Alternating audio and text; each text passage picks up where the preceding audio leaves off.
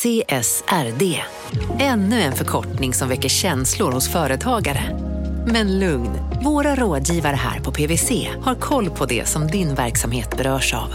Från hållbarhetslösningar och nya regelverk till affärsutveckling och ansvarsfulla AI-strategier. Välkommen till PWC. Upptäck hyllade XPeng G9 och P7 hos Bilia. Våra produktspecialister hjälper dig att hitta rätt modell för just dig. Boka din provkörning på bilia.se xpeng redan idag. Välkommen till Bilia, din specialist på XPeng. Välkommen till Unionen. Hej! Eh, jo, jag ska ha lönesamtal och undrar om potten. Ja, om jag kan räkna med övertidsersättning för det är så stressigt på kontoret jag jobbar hemma på kvällarna så kan jag då be om större skärm från chefen för annars kanske jag säger upp mig själv. Och hur lång uppsägningstid har jag då? Okej, eh, vi börjar med lön. Jobbigt på jobbet. Som medlem i Unionen kan du alltid prata med våra rådgivare.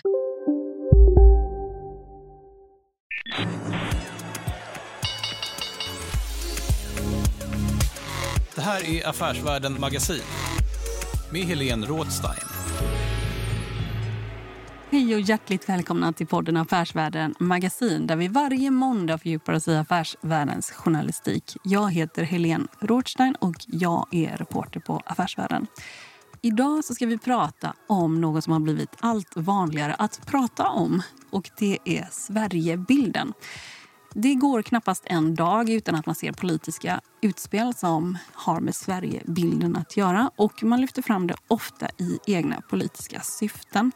Och Det är också något som man ser sker utomlands där utländska politiker i egna politiska syften för att driva någon fråga tar upp ett annat land, och däribland Sverige. Det är också ganska intressant att se hur Sverigebilden skiljer sig åt mellan olika länder. Det finns länder som eh, kontinuerligt rapporterar allt mer kritiskt om Sverige och det finns faktiskt de länder där Sverigebilden eh, blir mycket mer positiv. Och det är något som man också kommer se här nu under coronakrisen och dessa tider. Vad det gäller då ett lands varumärke så är det också ganska intressant att se att det skiljer sig ganska mycket från företags varumärken. Inte minst eftersom det är mycket svårare att rubba ett nationellt varumärke. Fallet, om man säger så, går inte lika fort. Och i studion här så har vi Ossi Kurkusoni. Ja. Var det rätt uttalat? Nästan. Ja.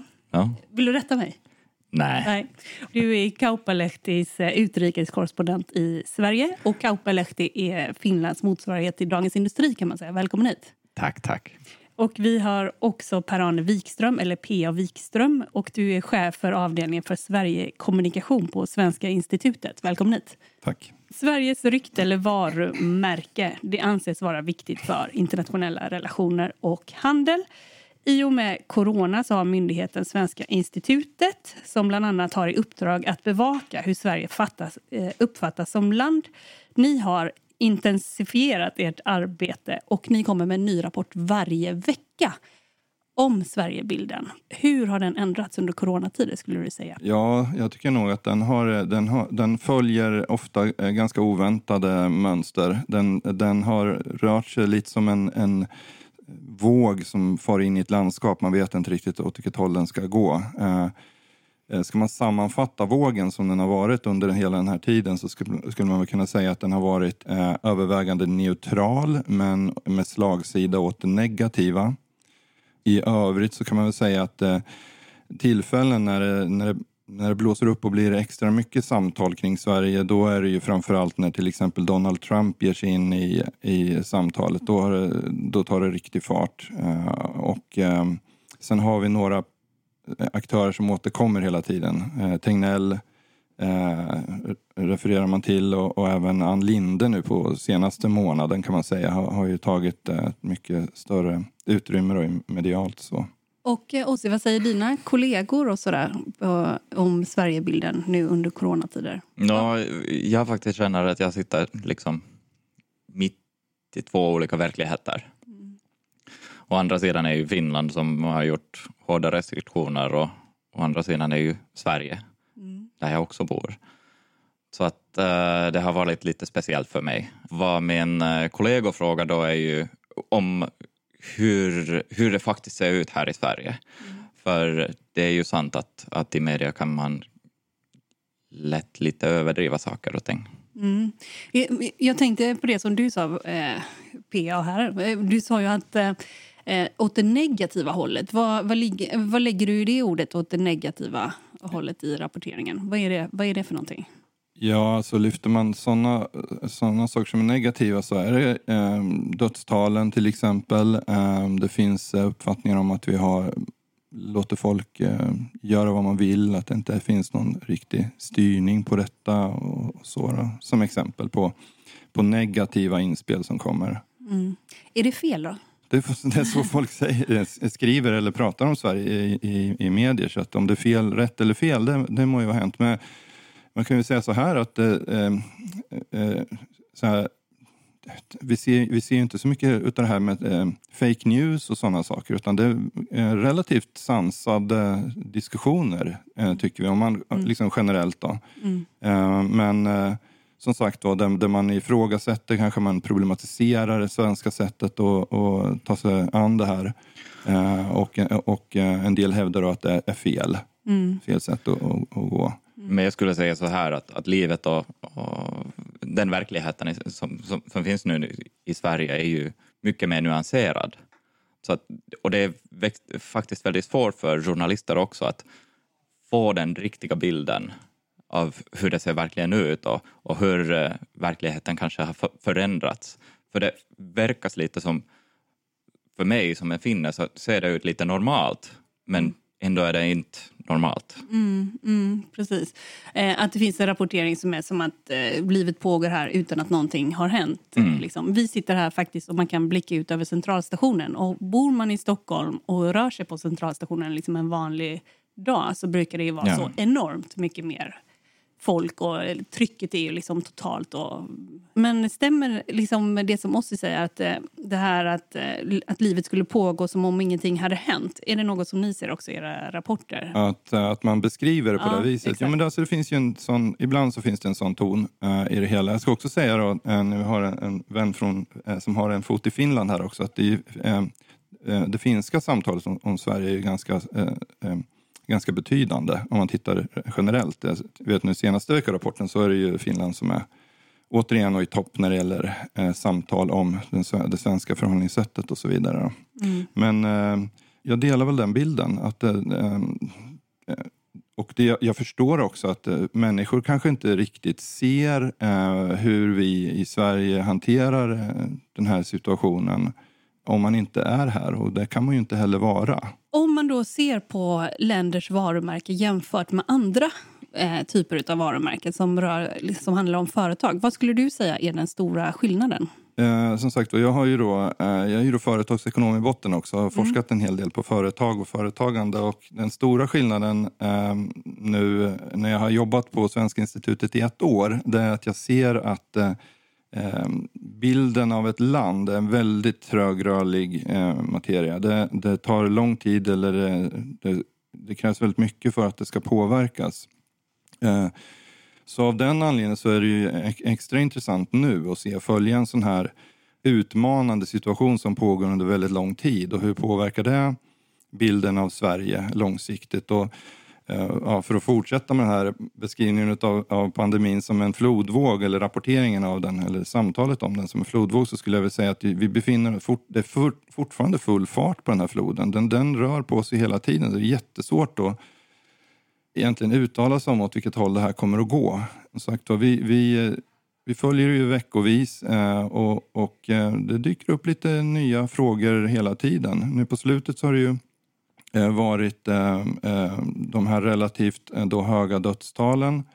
Eh, Men också så ser man ju att eh, de ekonomiska frågorna dyker upp också. Mm, eh, då till exempel? Ja, den svenska ekonomin i relation till andra länders ekonomi har ju sett eh, tillväxtsiffror och vilka enorma tapp som man har gjort nere i eh, alltså Spanien, Frankrike, Italien och så vidare eh, i relation till Sverige. Och då förs det diskussioner kring det såklart. Mm. Och, och det är något som du också talade om tidigare. Att eh, det här med svenska ekonomin, att man skulle sätta den före människoliv och Ja. sådär. Som, eh, Kan du säga något om Det hade, det hade sett så ut tidigare, Ja. men eh, nu är det, den bilden kanske förändras. För det blir mer och mer rapporter att Sveriges ekonomi faktiskt kanske tar den största hitten. Eh, Jag tycker också det är ganska intressant det här med svenskar som har blivit persona, personas non grata. Liksom. Inte minst i Finland där man inte får komma som turist i onödan och hälsa på. Eller men, turist alls va? Eh, Nej. eh, Inga turister, inga svenska turister. Och Nej. det är ju andra länder också som har sagt Ja, och det. var lite, lite spännande också för eh, nu ska jag faktiskt åka till Finland för eh, midsommaren och uh, semestra där för några veckor och då ringde min chef och, och frågade om jag kunde komma till eh, redaktionen så att de kunde ta en ny bild av mig. Baila en bild. Ja.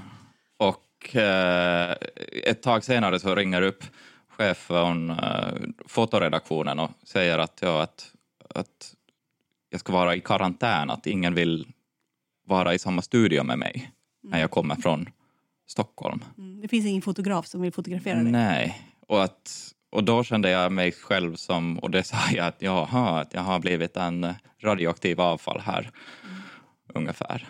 Och det, ja, roligt. Kan, kan du förstå det? Att det blir så? Ja, alltså jag, jag skulle ju känna säkert på samma sätt eh, om, jag, om jag skulle åka till Finland i- idag. Då. Det, är- det, en, det här är ju en ny situation och, och eh, väldigt speciell kan jag tycka för, för oss i de nordiska länderna. Mm. Att eh, som svensk inte kunna eh, besöka våra närmsta eh, syskonländer om man säger så. Då. Ja, absolut. Och, och, och, en, och jag tänkte på den här norska eh, hållningen där då människor från Gotland har möjlighet att åka till Norge. Det, det bara gör det hela ännu mer konstigt och, och, och så se Men det, jag, jag tror att det var en helt politisk lösning. Att nu har alla Sveriges grannländer öppnat sina gränser mot varandra men inte för Sverige. Mm. Så kastar eh, Norge liksom en lifeline. Att, ja, nu kan, nu kan, att, att Sverige är inte helt stängt nu, än- så att nu kan eh, ni åka till Gotland. Du lyssnar på Affärsvärlden Magasin med Helene Rådstein. Marknaden sponsras av SPP, pensionsbolaget. Eh, Förra gången pratade vi lite om ITP. Och som en kort repetition så, så var det ju 70-tal, arbetsmarknadens parter bestämde att alla tjänstemän ska ha en tjänstepension. Man kom överens om vilka villkor som ska gälla i den här pensionen och så kallade man den för ITP. Så jobbar man idag som tjänsteman i ett företag med kollektivavtal, då har man förmodligen den här pensionen, ITP-pensionen. Eh, och det är ju så att man kan påverka eh, den här pensionen, hur den är placerad. Vart femte år så gör nämligen Collectum, som de heter, en enorm upphandling där olika pensionsbolag kan ansöka om att få förvalta eh, de här pensionerna. Och SPP är ett av bolagen som valdes ut i den senaste upphandlingen. Och sen kan du som pensionssparare välja eh, vilket av de här olika pensionsbolagen som, som då ska få ta hand om dina pengar. Och tanken med den här upphandlingen det är ju att liksom kvalitetssäkra de här olika alternativen eh, men också att förhandla fram stora rabatter så att pensionsspararna ska få ja, kunna spara pengar genom att avgifterna eh, som är så viktiga eh, blir eh, lägre. Och vill man välja någonting i ITP-systemet då finns det en relativt ny sajt som heter avtalat.se. Ehm, där kan man gå in och se hur sin ITP-pension är placerad. Jag gjorde det häromdagen faktiskt. Ehm, idén är att hälften av pengarna alltid ligger i något som kallas för traditionell försäkring. Det här gjorde vi ett avsnitt om i podden Kapitalet nyligen eh, som vi kallade världens bästa sparform. kan man lyssna på om man är intresserad. Eh, den andra halvan eh, den kan man också lägga i en traditionell försäkring eller så kan man placera det i något som kallas för fondförsäkring. Eh, SPP som sagt eh, var ju ett av de fåtal bolagen som valdes ut i den senaste upphandlingen och de finns med som alternativ både med en traditionell försäkring och med eh, fonder.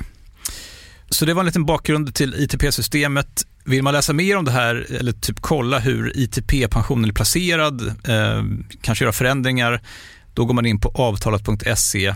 Eh, men tack säger jag till SPP som vill göra oss människor mer medvetna om hur enormt viktig pensionen är för oss som en framtida lön, men också som en positiv kraft i samhället. Eh, och förstås för att ni möjliggör eh, den här podden Marknaden.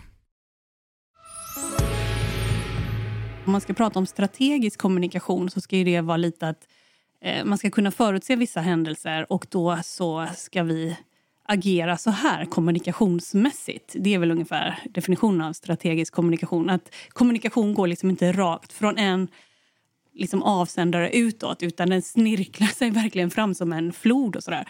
Hur, Vad det gäller den strategiska kommunikativa biten, där har man ju också sett... Det var väl Ann Linde som... Eh, det var någon artikel i Aftonbladet som hade sagt till ambassadören i alla fall runt om att hjälp till nu att sprida den här bilden. Men hur ser den strategiska varumärkeskommunikationen ut av Sverigebilden?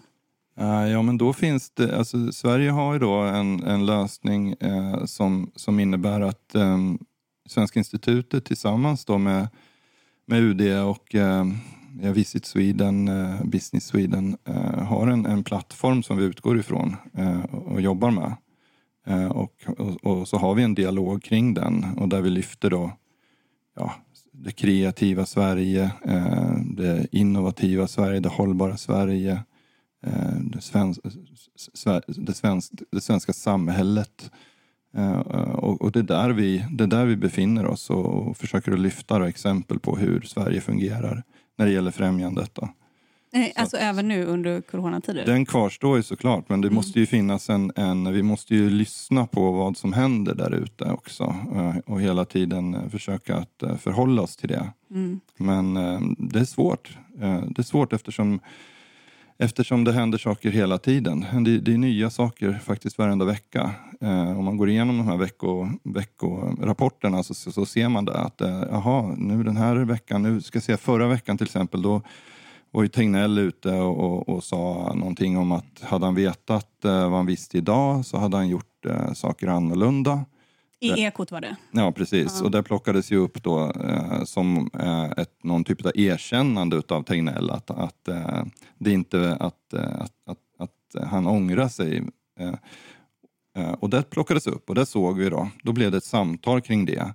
Sen gick han ju samtidigt ut, bara en, jag tror nästan att det var samma dag, och sa att, eller om det var dagen efter, sa att nej men det var inte så jag menar. Jag menar bara att man bör väl fatta beslut baserat på tidigare erfarenhet.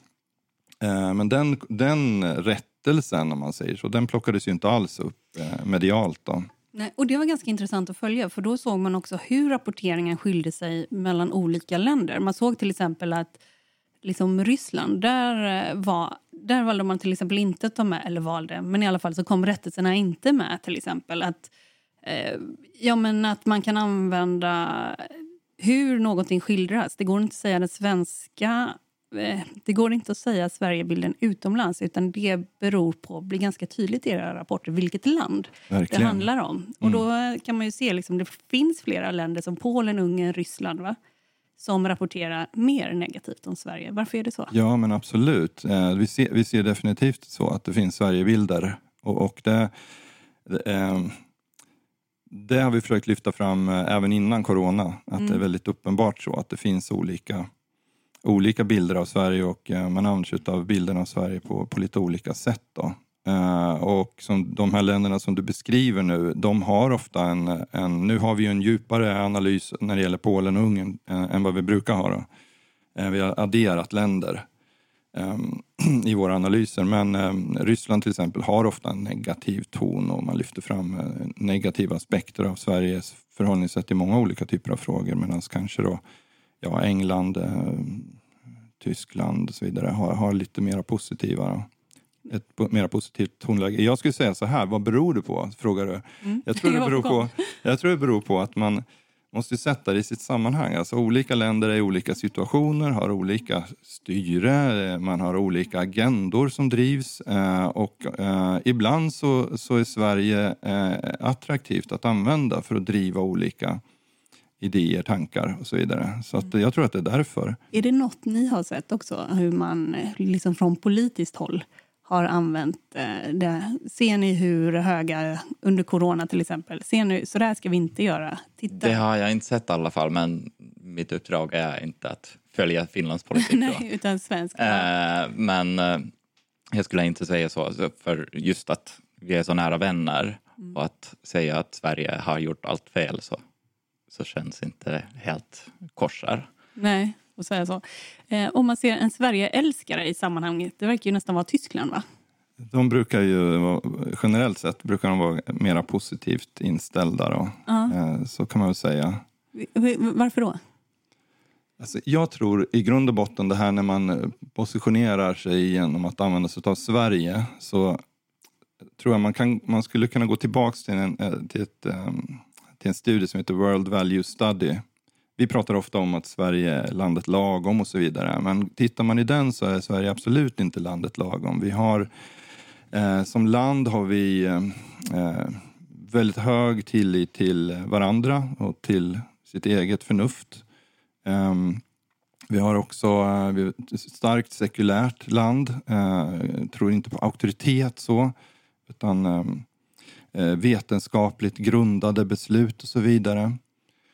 Eh, och där tror jag det finns ett liksom någon typ av korn i eh, vad det är som gör att eh, i vissa kontexter så är då Sverige något som är extremt. Man kan, man kan prata om Sverige som ett extremt land. Alltså man, där man, som, som nu då, man pratar ibland om att ja, men man släpper det loss. Man, man, man eh, låter människor själva fatta egna beslut. Det finns ingen ordning på det här, det finns ingen styrning och så vidare. Jag tror att det finns mycket att hämta, mycket av förståelse att hämta genom att titta på den här typen av um, analyser av hur, hur svensk, svenska värderingar ser ut. Att vi är eh, ganska extrema i det avseendet. Eh, I den här World Values eh, Survey så, eh, så, är vi det mest extrema landet. Eh, men eh, tillsammans då med våra nordiska eh, länder. Vad skulle du säga att de här eh, extrema sakerna är mest extremt? Är det, är det, är det, är det sekulära? Nej, men i, den, I den studien så, sätter du, så ställer man då eh, sekulär, sekulär eh, inriktning eh, i relation till ehm, eh, rationell, säga, traditionell eh, uppdelning. Där är Sverige rankar vi extremt högt när det gäller den. Eh, och sen när, när det gäller eh, tillit till varandra och så vidare så rankas vi också extremt långt eh, ut i relation till att eh, kanske då mera fokusera på överlevnad, eh, att, att liksom kämpa för, för sig själv bara, att vara mm. väldigt egofokuserad. Mm. Så, så de två, om du, ställer, om du gör en, en, karta där du sätter de två parametrarna mot varandra, då är Sverige det mest extrema landet i, eh, som finns. Då. Men det ska man väl också säga att där, där finns även Finland och där finns även Danmark och Norge och, så. så att vi, Uppe liksom bland de, Sverige? Ja, precis. Ja. Som, som hörde, och Tyskland också. Då. Mm. Så, sen så tror jag så här att jag menar eh, Norden, de, Finland, Norge, Danmark framför allt där och, och, och Sverige har väldigt lika eh, kulturer och så. Eh, men i den här, i den här krisen så, så sticker vi ut eh, i Sverige. Mm. Alltså även, även, internationellt sett? Med, med, eh, med höga, höga dödssiffror då, mm. per mm. capita. Mm. Så att, eh, av den anledningen så är det väldigt intressant att se hur samtalet om Sverige ser ut i de nordiska länderna. Mm. Det finns, jag tror det finns eh, flera Sverigebilder i Finland. Då. För det första är ju så att kanske den stereotypiska svennen är ju uh, hycklande, svenhelig och uh, kanske även lite dumma. Men, det är inga hår, det är ja, hårda det, ord. Men till, men till slut lyckas det alltid med, med lite tur. och, eh, men sen så, för det andra så tror jag också att Finland har alltid tittat på Sverige som ett nästan utopiskt samhälle mm. eh, där allting fungerar bättre, människor är snyggare, rikare, vädret är bättre och skattenivån lägre. Mm. Men jag tror att den bilden har kanske brutit nu under mm. coronapandemin. Mm. Att kanske Sverige är inte någonting som man, som man ska titta på som ett exempel. Eh, bara skenhelig. Eh, va, va, varför? Uh, ja, kanske Snyggare, finländarna okay, tycker att det är, det är mer äkta än vad svenskarna är. Ja, okej. Okay. Mm. Att det är något mer liksom genuint, att det är ja. lite mer yta i Sverige ja. så generellt. Ja. ja. Är det, är det något, kan du se det här i datan?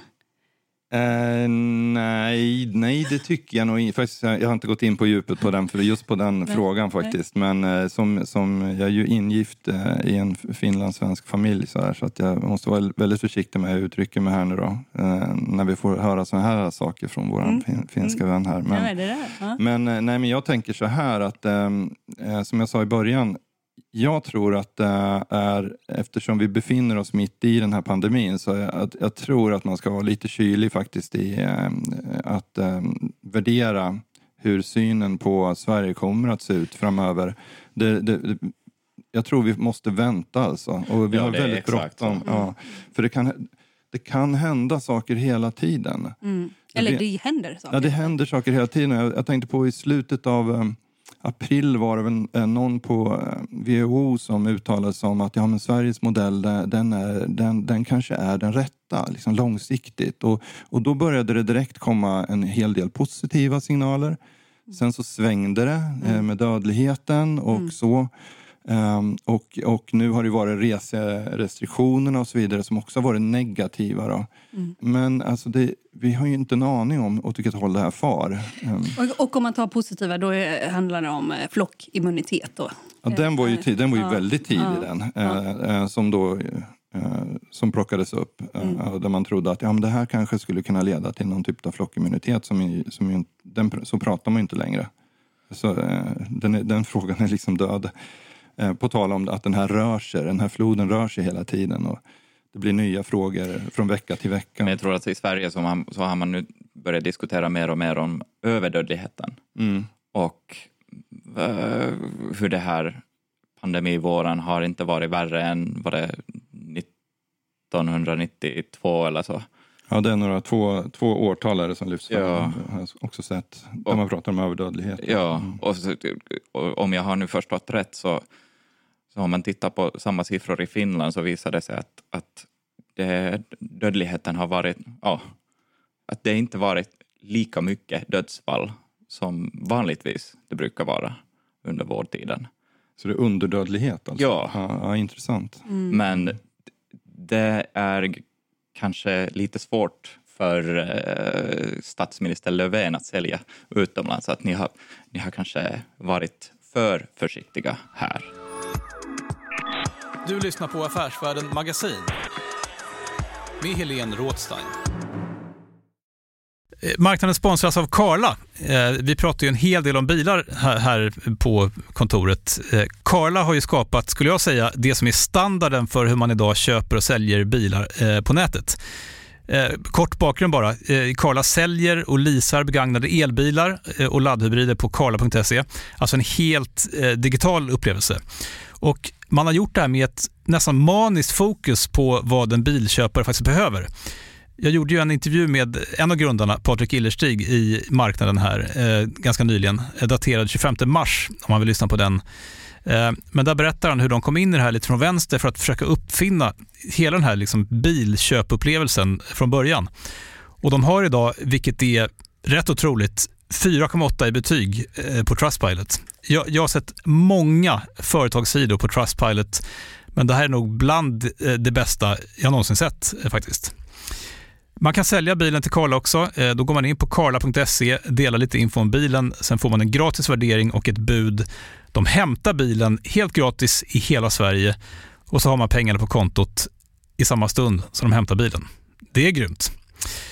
Eh, så ska du köpa en ny bil eller sälja din gamla, eller båda delar för den delen, gå in på karla.se och eh, kolla. Alltså karla.se och Karla stavas med C. Tack så mycket till Karla. Jag tänker bara på detta som Sverige som utopiskt land. För det tycker jag också har varit, om man backar bandet några år här, om vi tar flyktingvågen 2015 då, som Sverige hade. Då tycker jag också att i spåren efter det, inte faktiskt minst från amerikanskt håll och sådär, så eh, tycker jag också att man har pekat på att Sverige brukade vara liksom buller... Vad heter det? Bullerbyn. Bullerbyland. Och eh, nu, titta vad som har hänt. Nu har våldet eskalerat. Det var ju också ganska grov rapportering också om eh, liksom våldtäktshuvudstaden Stockholm och sådär i, i, i världen. Alltså efter ja, den här flyktingvågen som kom. Så jag tycker också att den här att eh, Sverige som utopi, liksom, ni trodde kanske Sverige var ett utopiskt land, men titta här. Och så finns det några exempel. V- vad säger du om det? Eh, ja, men eh, så, såklart så ser ju vi, vi följer de här samtalen och, och Ehm, där får man nästan gå tillbaks till de här varumärkesfrågan. Att, eh, tittar vi på hur, hur varumärket Sverige ser ut eh, över tiden, vi gjorde någon de senaste tio åren, hur, hur den har utvecklats och så vidare, så är det på väldigt, alltså det rör sig jättelite. Eh, så att, och eh, vi följer även index, eh, olika typer av index som lyfter fram, eh, ja, där man försöker att eh, ranka länder efter, ja men här är bäst att leva och så vidare. Och där, där ligger Sverige väldigt högt eh, eh fortfarande, ska man väl säga då. Eh, och, och rör sig knappt eh, någonting där. Så att eh, Ja, de här, eh, de här samtalen som har varit de senaste åren eh, har inte påverkat, det kan man ju säga, då, de här rankingarna till exempel, särskilt mycket. Det, det har de inte. Sen är det ju frågan vad som händer med den här pandemin som ju är eh, nu är vi, vi, vi mitt i det och då, då är vi väldigt uppfyllda av det. Men Eh, den verkar ju pågå under en ganska lång tid och vad får det för konsekvenser för, för bilden av Sverige? För en sak som jag tänker mm. på det är också om man pekar på en överdödlighet så kan man säga ja men det är många äldre äldre som har dött och de har också dött på sina äldreboenden. Det måste väl tänka påverka bilden av Sverige som välfärdsstat. Fungerar välfärden? Mm. Alltså uppenbarligen så har det ju varit brister här där det faktiskt inte har fungerat. Vad, vad, liksom det välfärdssamtalet, om man, säger, om man bara pratar välfärd och skydda folk och ta hand om äldre och sådär. Ja, där lyfter du ju fram en av de områden som man kritiserar när det gäller Sverige idag. Eh, när, vi, när vi pratar om det här negativa då, eh, samtalet om, om Sverige, då är, då är det bland annat det här. Eh, man tar inte hand om sina äldre och så. Det, här är, det finns väldigt mycket drama i det här. Just då, om man tittar på eh, hur Sverige har gjort. För eh, i, i den första scenen så var det lite spännande internationellt sett. Att Sverige gör lite annorlunda nu. De har en annan strategi. Jaha, nu ska vi se här. Och sen, kom, sen kommer det här eh, dramatisk vändning och act 2. Och nu, vi, vänt, vi vet inte hur det kommer att sluta. Vi har inte skrivit den sista biten. Ja, men jag håller med dig. Jag, jag, mm. jag har verkligen tänkt på det som, ett, som nästan som ett drama i olika akter. Ja. Och de är nästan uppdelade per vecka. Alltså. Mm. Det är nästan olika saker varje vecka som, som tas upp. Som sagt, förra veckan då var det väldigt mycket Tegnells uttalande. Den tog, den tog full fart. Eh, vad kommer det bli den här veckan? Jag vet inte. Jag träffar mina kollegor imorgon. Då har de analyserat nästa... Alltså jag har ju bubblare så har jag ju trott att det ska bli mera samtal kring de ekonomiska konsekvenserna ja. av, eh, av den här pandemin. Eh, att Brukar den ska du ha komma rätt? in. Nej, jag nästan, nästan varje vecka har jag fel. Ja. Så att, eh, men det brukar ju hända saker. Någon kommer in. Och, men det som har varit nu, som, som jag tror kommer fortsätta, det är ju samtalet, det nordiska samtalet. Eftersom det är, det är en ja. väldigt het fråga det här. Det, det, det, ställs ju på sin spets här nu. Men det som jag fungerar just att om jag blir betraktad som radioaktiv avfall så är det ungefär samma för eh, svenska företag också. Är det, skulle du säga? Ja, det har jag inte en aning om faktiskt, hur de, hur de upplevde eh, den här situationen. Eh, annat än att jag vet att de kämpar med näbbar och klor för att klara situationen. Mm. Eh, men det är klart att det är inte positivt om man skulle upplevas som ja. eh, paria. paria då, inte. Ja, det är svårt att åka till andra länder och göra, göra nya deals. Så, så. Ja, som sagt, jag, jag har inte sett någonting av det i samtalet om Sverige. Eh, jag pratar ju såklart med Business Sweden och ser att de eh, försöker ställa om sin verksamhet och jobba hårt för att eh, hjälpa svenska företag internationellt. Och det, det tror jag kan nog tala för Svenska institutet också och även Visit att det ju, vi försöker verkligen nu hjälpa till att få Sveriges ekonomi, få fart på den igen. Eh, men företagen har ju supertufft. Mm. Det, är varje, det är varje dag som man får höra nya saker. Där. Och Visit Sweden är de som eh, ska se till att folk kommer till Sverige som turister. Det. Ja, mm. det. är inte så lätt kanske. Nej, det, det, just nu det ju, finns det ju vissa begränsningar där. Jag tänker också på om eh, Sverige, om det hade varit en människa och så är det liksom så här uppfattas du, utom, så här uppfattas du av andra. Eh, då liksom Sverigebilden inifrån och ut. Och så tänker man ja ah, det är bra, liksom, nu stannar det där. Men ganska... Man hade ju kanske också velat ha någon återkoppling som är så här, du uppfattar så här. Detta och detta skulle du kanske kunna förbättra eh, inom som person. Finns det någon återkoppling av Sverigebilden? Alltså om man tänker som ett utvecklingssamtal eller så här uppfattas vi och eh, detta skulle vi behöva arbeta på, på riktigt. Inte bara för att förbättra vår image utan Eh, det här är något som eh, faktiskt folk pekar på brister liksom, i vårt samhälle helt enkelt. Oj, nej, alltså, det, eh, Svenska institutets instruktion eh, säger att vi ska, vi ska redovisa eh, hur samtalet om Sverige ser ut. Så där, och det gör vi. Men sen eh, är det inte vi som gör tolkningen om man behöver justera. Det är ju polit, en politisk fråga Mm. ut, utifrån de bilderna som vi levererar. Mm. Jag tycker det är ganska intressant. Jag bodde ett år i USA som, på, som utbytesstudent 95-96. Eh, då bodde jag i Mid- Midwest i Hannibal, Missouri och blev kompis med några som bodde där såklart, men också utbytesstudenter, bland annat en från Argentina. Och det här är ju 25 år sedan. Vi har inte hörts på hur många år som helst, kanske fem, sex år eller någonting. Och nu så fick jag ett meddelande för någon månad sedan där han skrev så här. Jag tycker eh, bättre om eh, Johan Giesecke än Anders Tegnell. Vad tycker du? ja. och då så kollar jag era rapporter och då så ser jag att det, det som kommuniceras om Sverige just nu det är väldigt personfokuserat. Alltså många gånger är det, inte bara nu, utan det är liksom personer som blir landet på något sätt. Är det något som du har tänkt på också? Ja, och vi ser det ju också, precis som du, där du beskriver, att eh, framförallt Tegnell eh, har- syns, har ju synts hela, hela vägen. Eh, och Han är ju coronageneral. Han är ju corona Men eh, det som man kan säga i anslutning till det som är lite intressant det är att jag tycker att där eh, ibland så famlar, eh, så famlar man utomlands eh, för att försöka förstå relationen mellan myndighet och regering där. Att svenska myndigheter har så stort inflytande och så vidare. Jag tycker inte att man ser det eller det finns, det finns en, en fundering där i samtalet om ja, men hur ser det ut egentligen här i Sverige. Vad, vad, vad har ni egentligen för lösning? Så då, På tal om Tegnell. Men absolut så syns han syns jättemycket. Det gör han. Och det är väl också något man har diskuterat i Finland, liksom myndigheternas roll kontra politikernas. Ja, man kanske inte fattar det, hur, Sverige har agerat nu, för eh, det är ju statsministern och regeringen som har full ansvar. Och det är, det är ju med så att finländarna säger att det här ska styras politiskt och alla bes- beslut ska vara politiska beslut.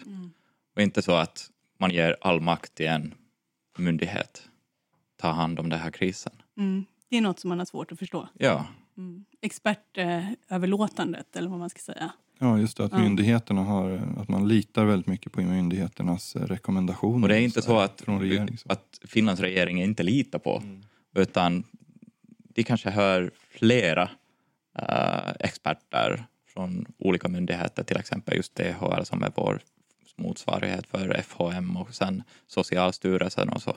Ja, för det är ganska intressant med den här personfixeringen. För man tänker också som för ett år sedan ungefär så hade vi ASAP Rocky Ja, här i Sverige. Det blev ju så enormt... Och eh, alltså artisten som... eh, det var det första jag fick göra. Nej, berätta. Nya, som nyanställd. Ja, det var det absolut första som hände. Första för, dagen. För då handlade... eh, För med honom så hamnade hela det svenska rättsväsendet i fokus. Och här så hamnar liksom, med Tegnell så hamnar ju liksom myndighet och expertöverlåtande i fokus. Alltså även ifall det är en person som frontar någonting så blir det symbolik för något annat. Men hur var det då förra sommaren? Nej, jag, jag, det bara slog mig att just ASAP Rocky var, var mitt första, eh, det var det första jag fick göra, det var att hantera det. När, när mina med, eh, kollegor i ledningsgruppen hade åkt på semester så eh, så var jag där och så tog jag emot då det här meddelandet om ASAP Rocky och så vidare. Men då såg jag att vi hade en fungerande, fun, fungerande organisation för att hantera de frågorna och så. Och så, då. så att, eh, Ehm, Det var ju en väldigt, eh, för mig själv personligen, omtumlande eh, några veckor där som man skulle jobba. Men det var, jag menar, i jämförelse med, med pandemin här så det ju, var det ju ingenting. Och, men däremot så såg man ju återigen det här när, när Trump twittrar, vilket han ju gjorde några gånger där också.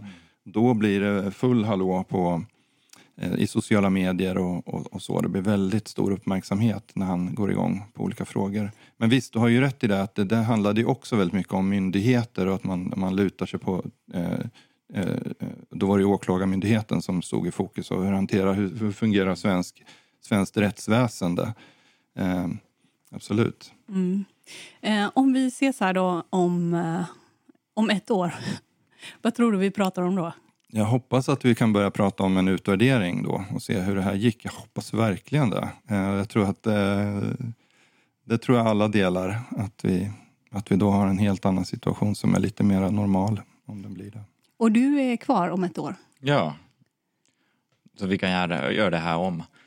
Jag tror att Finland börjar kanske granska Sverige mer, mer och mer kritiskt och så här, eh, titta på saker där Sverige har kanske misslyckats mer och så här, börja titta på Danmark som ett exempel som vi har nu börjat göra med till exempel Flexicurity-modellen och så. Google det. Okej, men jag tackar er så väldigt mycket för att ni var med i podden Affärsvärlden Magasin. Tack ska ni ha. Stort tack. Du har lyssnat på podden Affärsvärlden Magasin som utkommer varje måndag. För mer information om Affärsvärldens journalistik gå in på affärsvärlden.se. Och podden den är tillbaka om en vecka. Håll ut!